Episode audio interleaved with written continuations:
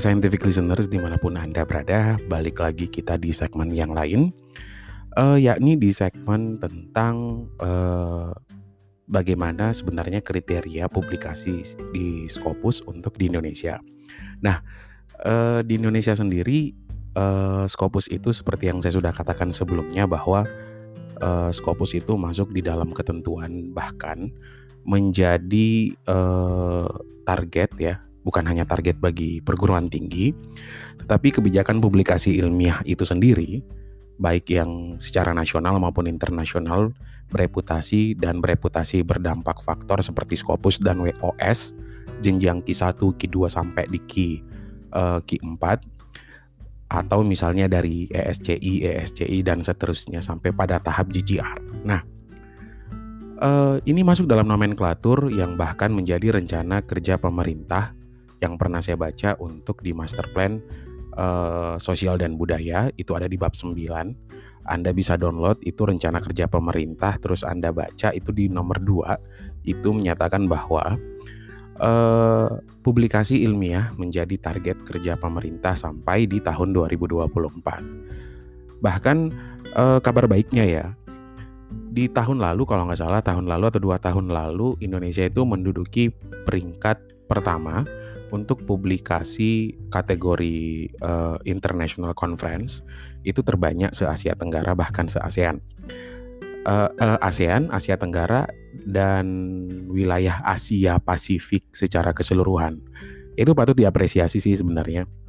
Nah, uh, balik lagi kita bicara tentang uh, bagaimana uh, publikasi di Scopus itu sendiri. Nah, itu tidak terlepas dari adanya angka kredit yang mengikat sebuah publikasi itu sendiri. Jadi lagi-lagi gini nih, dosen itu kan uh, pengen bikin publikasi ya karena sebenarnya ada tendensi sih, dan itu memang masuk akal juga bahwa adanya angka kredit kumulatif yang ingin dicapai, yang ingin dikejar, karena itu juga menjadi satu kewajiban kita, terlebih bagi banyak dosen yang ingin naik ke jenjang kepangkatan uh, yang lebih tinggi, mulai dari asisten ahli, lektor, lektor kepala, dan sampai pada tahap guru besar.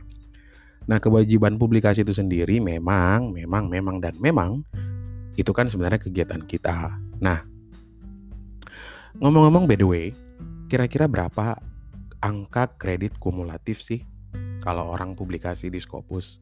Jadi gini, kalau Anda buka di sintaristekbrain.go.id, terus Anda pilih menu authors dan lihat scoringnya, maka di situ terlihat jelas berapa uh, kategori bobot angka kredit kumulatif untuk uh, setiap author yang menerbitkan publikasinya.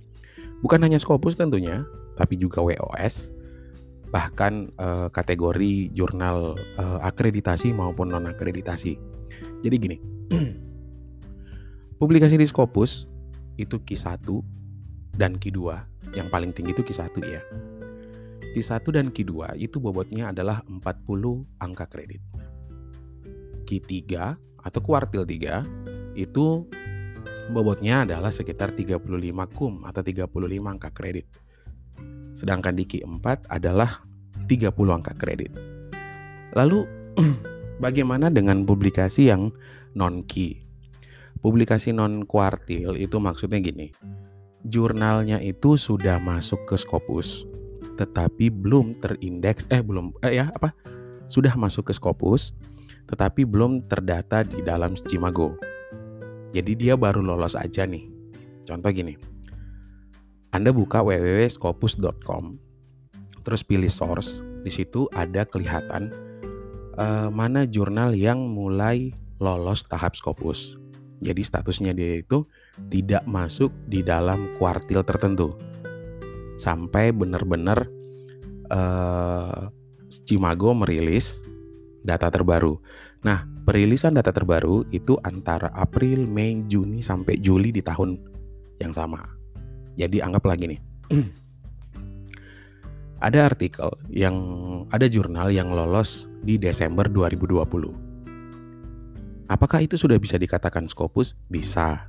Tetapi secara the de jure itu belum bisa dikatakan Scopus karena ketika Anda mencari di Simago.com, simagojr.com dan di Scopus.com, di Scopus hanya menampilkan datanya saja. Tetapi data site score, data Scopus Journal Rank atau SGR dan uh, impact factornya namanya SNIP, uh, Source Normalized, uh, Normalized Impact per Paper itu masih kosong. Nah, itu akan terisi sejak nanti ketika memasuki periode Juni sampai Juli di tahun 2021. Anggaplah dia lolos di Scopus 2020, de factonya akan diakui setelah lewat di 2021 bulan Juli. Jadi uh, mulai dari April, Mei, Juni, dan Juli. Jadi seperti itu. Nah, lalu bagaimana kira-kira Grading suatu jurnal yang belum secara de facto belum masuk ke Scopus, meskipun dia statusnya non-key, itu dipakai untuk naik pangkat. Jadi, kalau khusus di Indonesia ya, karena di Indonesia itu kan berdasarkan evidence ya. Evidence ketika ada di Cimago dan seterusnya, ada screenshot dan seterusnya, itu baru bisa dibuktikan. Nah, kalau di Indonesia sendiri untuk urusan naik pangkat, itu masih masuk dalam kategori jurnal internasional. Nah, berapakah kumnya jurnal internasional atau dianggap dia non scopus? Kumnya adalah 15. Jadi, yang masuk di kum 15 adalah publikasi uh, Scopus non jurnal atau Scopus conference atau Scopus book book chapter dan seterusnya. Itu kumnya 15. Nah, kalau dia masuk kategori kategori yang itu ya hukumnya nggak sampai 30 sih sebenarnya. Nah, kemudian bicara tentang uh, berapa grading, angka kredit ketika seorang dosen melakukan publikasi di jurnal akreditasi. Kalau jurnal akreditasi sendiri itu kan ada 6 nih, mulai dari Sinta 1 sampai Sinta 6 yang paling tinggi itu adalah Sinta 1. Nah, Sinta 1 itu sendiri adalah 25 angka kredit sama dengan Sinta 2. Kemudian Sinta 3 dan Sinta 4 itu 20 angka kredit masing-masing. Sinta 5 dan Sinta 6 adalah 15 angka kredit. Jadi seperti itu para scientific listeners.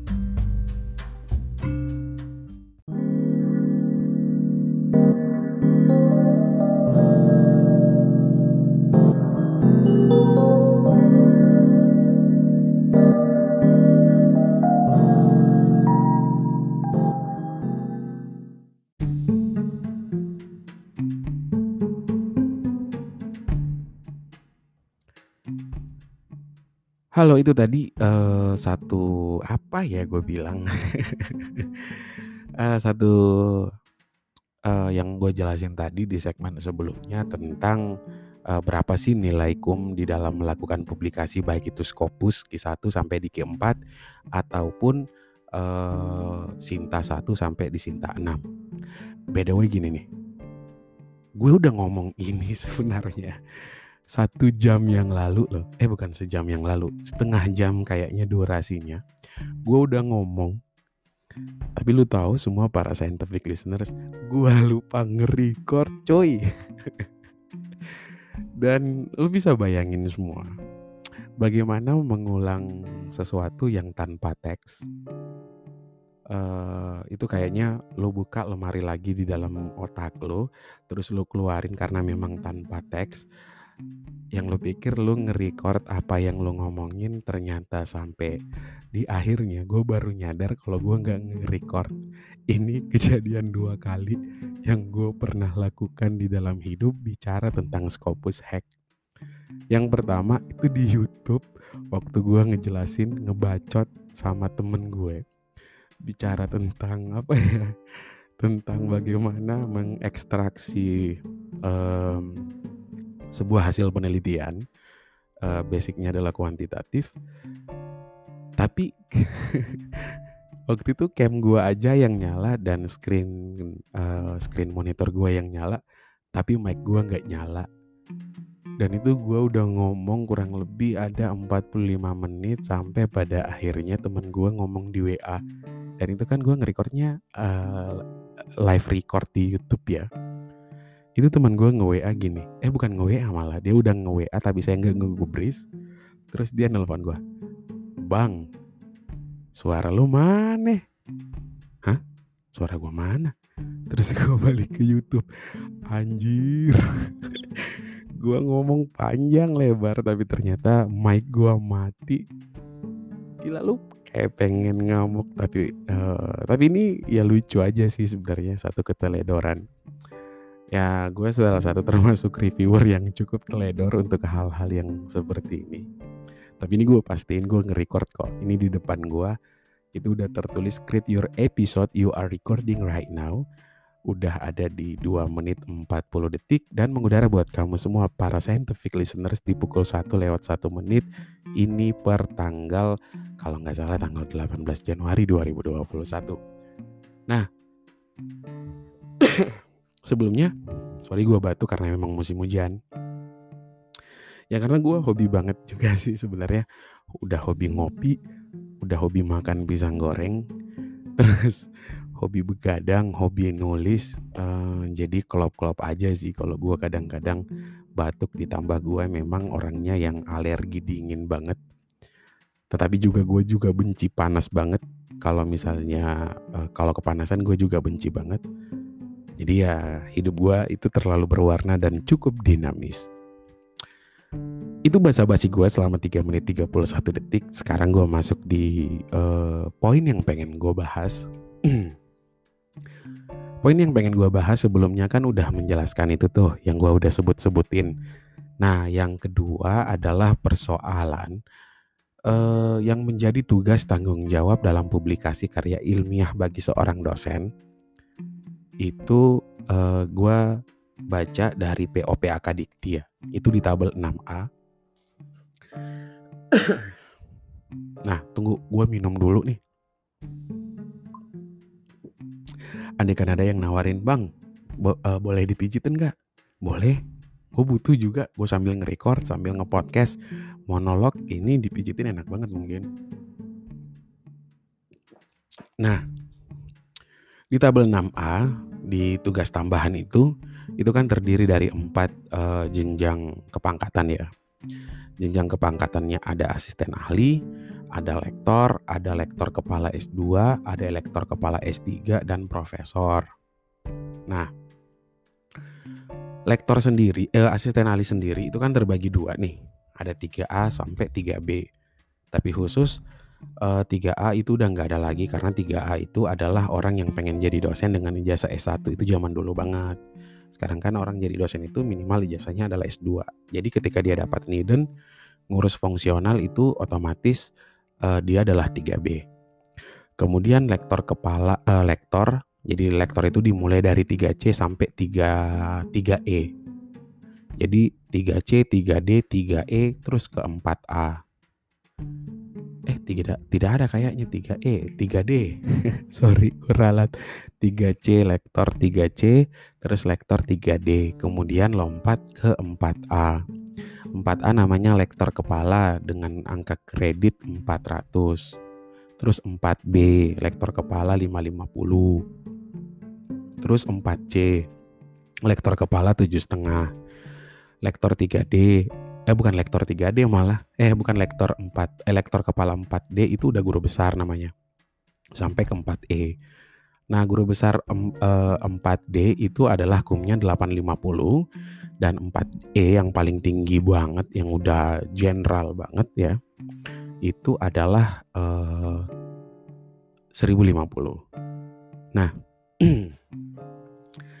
bicara syarat wajibnya bagi seorang asisten ahli bagi seorang yang udah punya nih dan satu tahun mengajar minimal setahun ya karena itu di peraturan nomor 92 tahun 2013 at least gua lupa tahunnya tapi peraturannya Permendikbud 92 2013 kah kalau nggak salah 2017 itu menyatakan untuk pengangkatan pertama sebagai seorang dosen itu minimal satu tahun telah mengajar atau dua semester.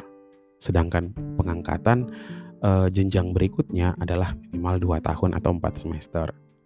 Nah, bagi orang yang udah punya uh, nomor induk dosen nasional atau NIDEN atau C, uh, CPNS ya, masih CPNS, uh, CPNS dosen yang pengen dapat asisten ahli, yang menjadi syarat wajibnya adalah Sinta 3, 4, 5, dan 6. Itu yang wajib bro.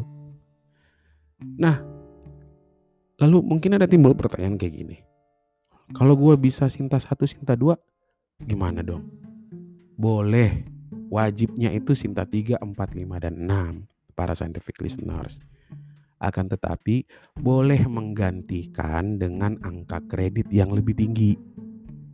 Yang mana yang dimaksud dengan angka kreditnya yang lebih tinggi? Contoh, karena ketentuannya adalah Sinta 3, 4, 5, 6. Yang lebih tinggi dari itu adalah Sinta 1 dan 2. Yang lebih tinggi juga adalah jurnal internasional. Yang mana yang dimaksud dengan jurnal internasional?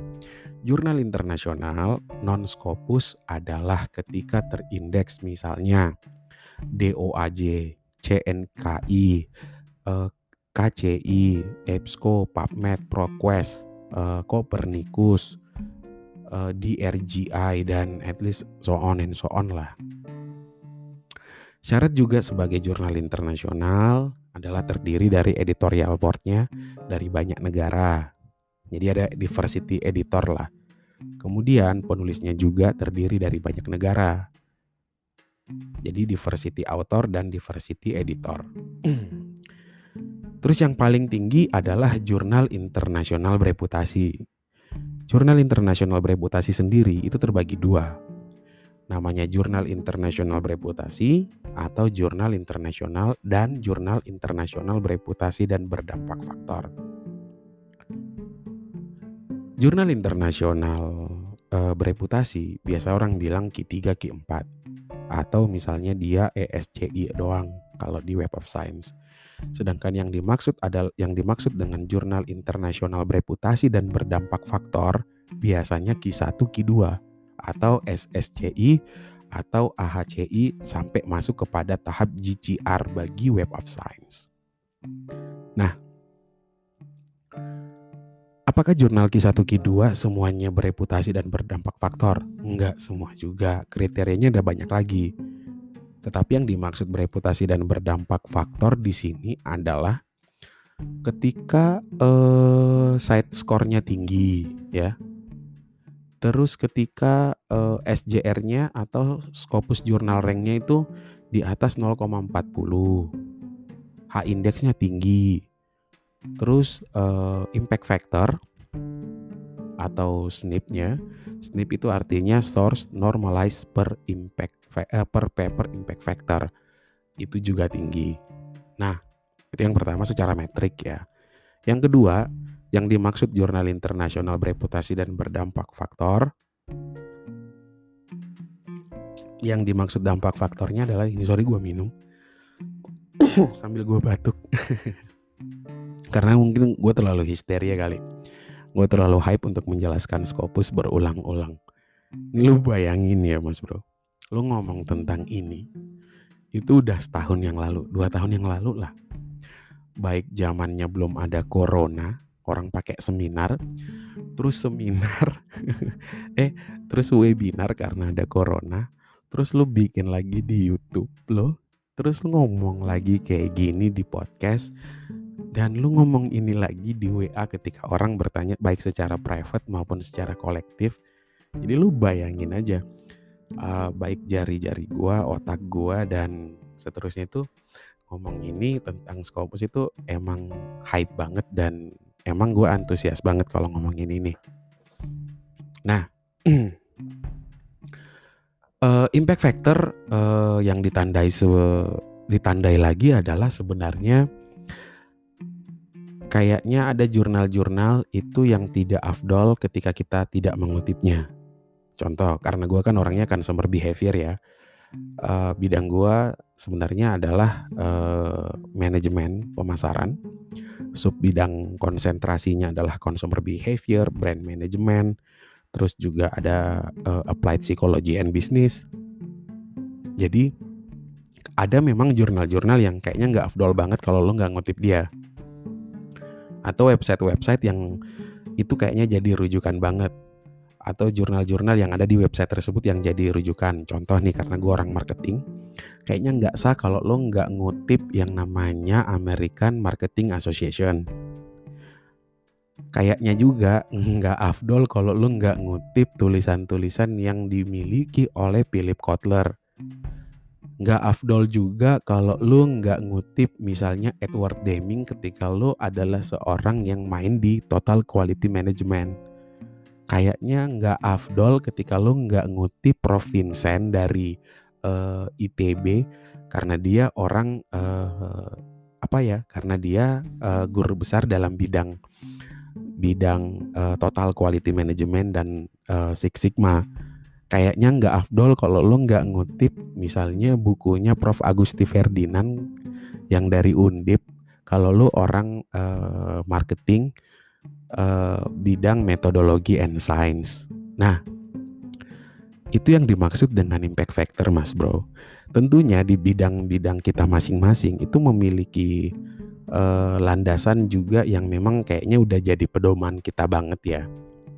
Nah, itu salah satu contoh di bidang gua.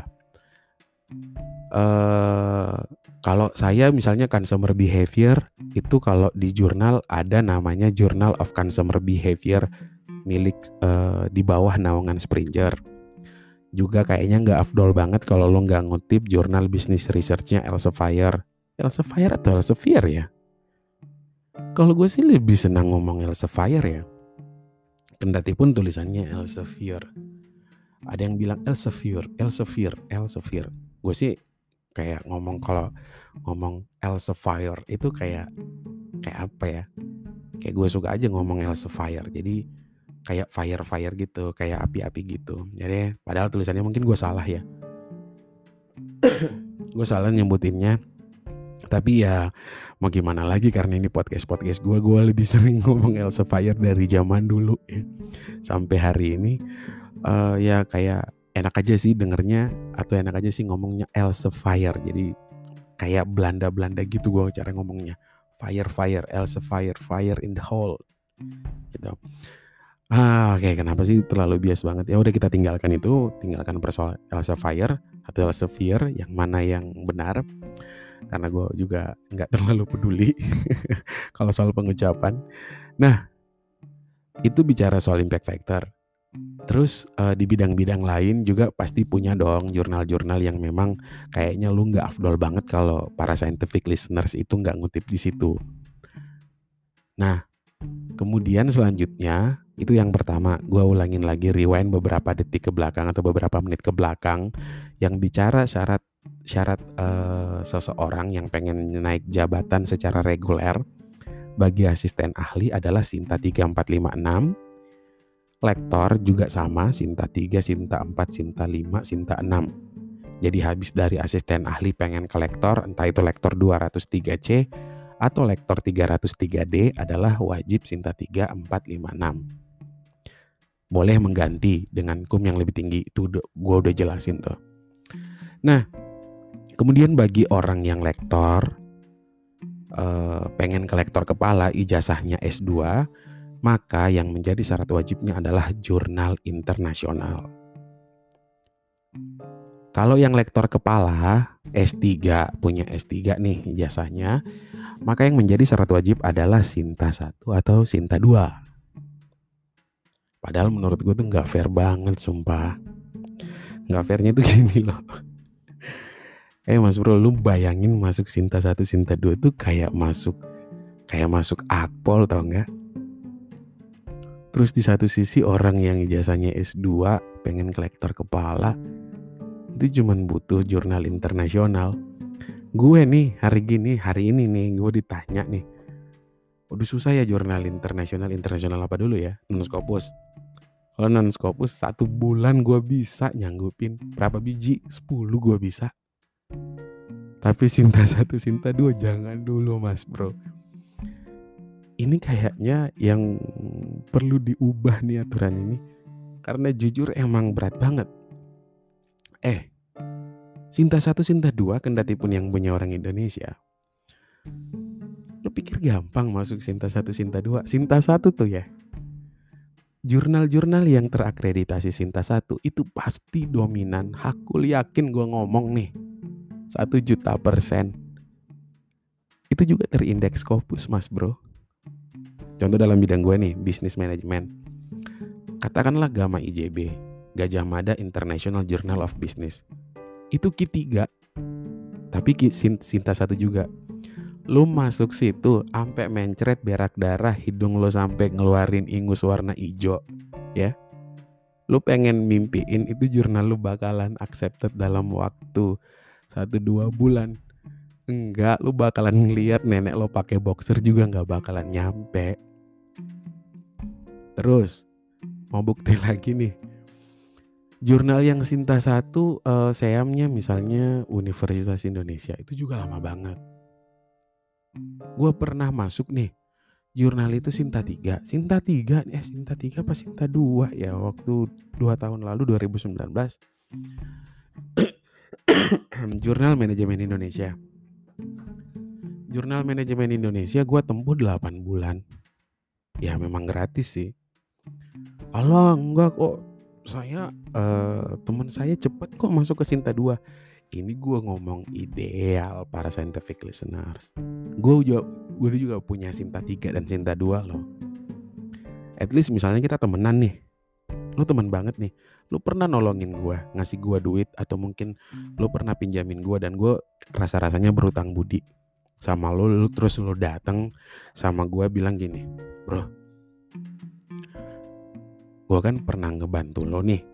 Kira-kira bisa nggak lo terbitin gue di Sinta 3, Sinta 2? Gue butuh cepat nih.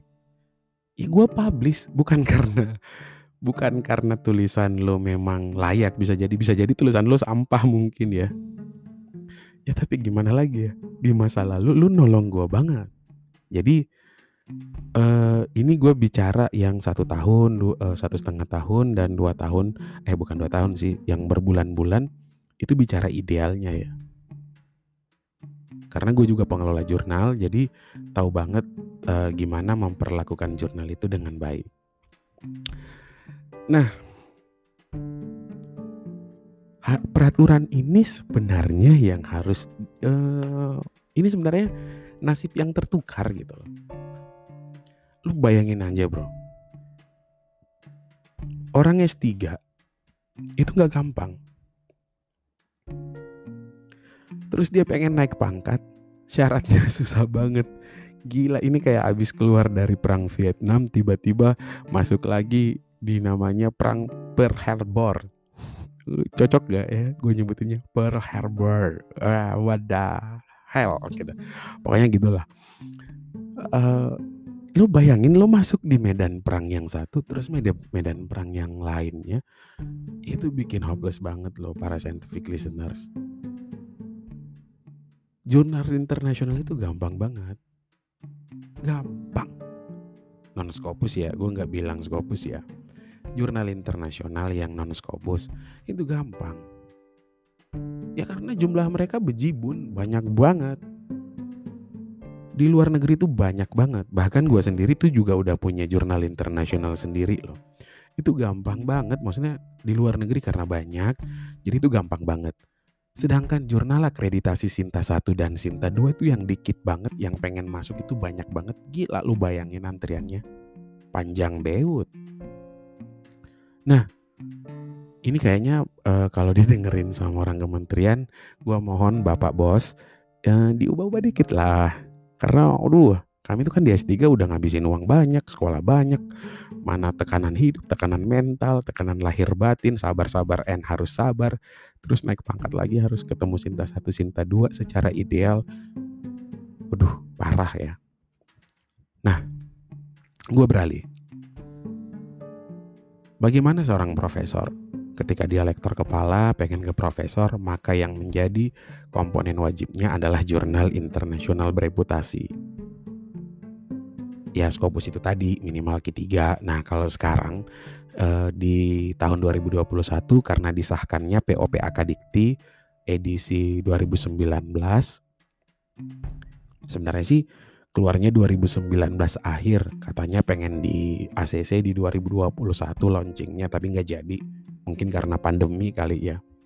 Jadi ditunggu-tunggu sampai uh, 2021 baru disahkan. Nah, kalau yang sekarang sih udah agak sedikit uh, agak sedikit susah lagi untuk syarat ke guru besar itu karena SJR-nya jadi sekarang eh kalau dulu 2019 Q4 masih boleh loh sebenarnya orang jadi guru besar. Tetapi eh, sekarang nggak nggak memandang Q lagi tetapi memandang SJR. SJR-nya itu adalah minimal 0,40 bagi eh, social and humanities dan 0,5 bagi apa ya scientific apa gitu. Eksak mungkin at least kayak gitu ya. Nah, tapi mungkin Anda boleh harus baca lagi di POPK Dikti 2019 yang terbaru. Nah, eh, kemudian banyaknya jadi ini gue pengen curhat sekalian nih ya. Banyak yang datang kepada saya terus nanya baik itu di WA, di telepon, uh, di alam mimpi. itu yang bertanya kayak gini nih kemarin teman gua nak ngusul gini gini gini katanya nggak boleh katanya ini ini nggak boleh begini harusnya begitu ini nggak boleh itu harusnya begini pokoknya begini begitulah kenapa banyak informasi yang simpang siur ya karena dosen itu sendiri ya ini gua ngomong nih fakta yang sebenarnya dosen itu sendiri emang malas baca POPAK gue nggak bilang semua dosen ya, tapi memang kebanyakannya seperti itu. Kebanyakannya adalah mereka malas membaca POPHK. Jadi informasi yang masuk yang mereka terima dan ikut disebarkan adalah informasi berdasarkan apa yang mereka lihat dari temannya, apa kata-kata temannya, apa kata koleganya, apa kata temannya koleganya, dan seterusnya. Padahal yang paling bagus para scientific listeners adalah Anda baca POPAK, terus lihat achievement Anda. Sudah cukup apa enggak? Nah, jadi kayak gitu. Uh, dan saya rasa mungkin para scientific listener sendiri ada juga sih yang memang tidak pernah membaca atau mungkin pernah lihat POPAK tetapi cuman uh, nge-scroll nge-scroll ini apa sih ini apa sih ini apa sih Ya karena mungkin terpaku di halamannya yang udah beratus-ratus halaman jadi kayaknya boring banget kalau dibaca. Padahal namanya aja ya, PO, pra, pedoman operasional. PAK, penilaian angka kredit. Itu pedoman operasional jadi kayak kayak dosen guidelines-nya kita gitu. Jadi kayak kitabnya dosen gitu. Ya, ya heran aja sih kalau ada yang nggak mau baca itu. Sumpah heran banget. Tuh pengen bikin. Kayaknya rasa-rasanya uh, bikin gue tuh dongkol banget sumpah. thank you